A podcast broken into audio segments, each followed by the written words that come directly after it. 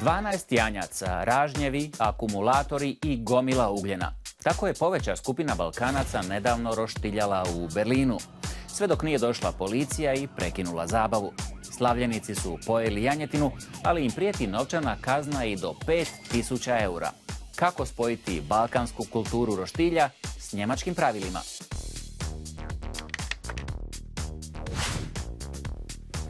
U Njemačkoj za sve postoje pravila, pa tako i za omiljeni njemački hobi grill party. Roštiljanje je dozvoljeno ljeti, ali ne u svako doba, već samo do 22 sata u skladu s kućnim redom.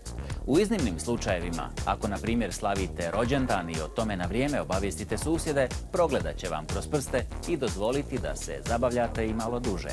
S druge strane, ako se baš zainate, susjedi vam mogu i sudski ograničiti uživanje u roštilju na samo dva puta mjesečno.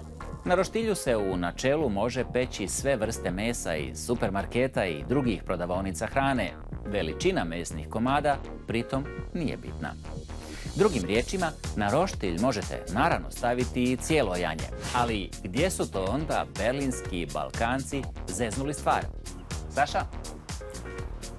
Društvo koje je okretalo životinje na roštilju u Berlinskom parku nije vodilo računa o nekim stvarima, na primjer o zaštiti imovine i lica, pre svega trave.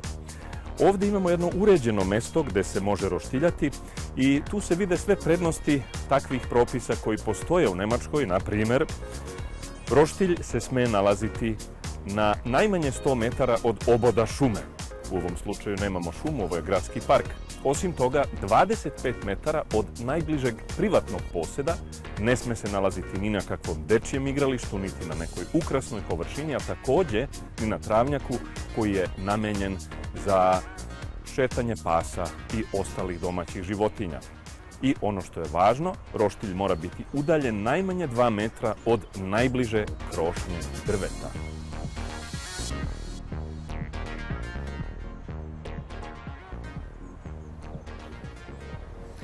a tko se ne pridržava pravila riskira kazne. Za paljenje vatre na zelenim površinama novčana kazna se kreće od 50 do 500 eura, ovisno od veličine vatre. Za roštiljanje na javnim mjestima gdje je to zabranjeno zaradi se i krivična prijava i novčana kazna od 35 do 300 eura.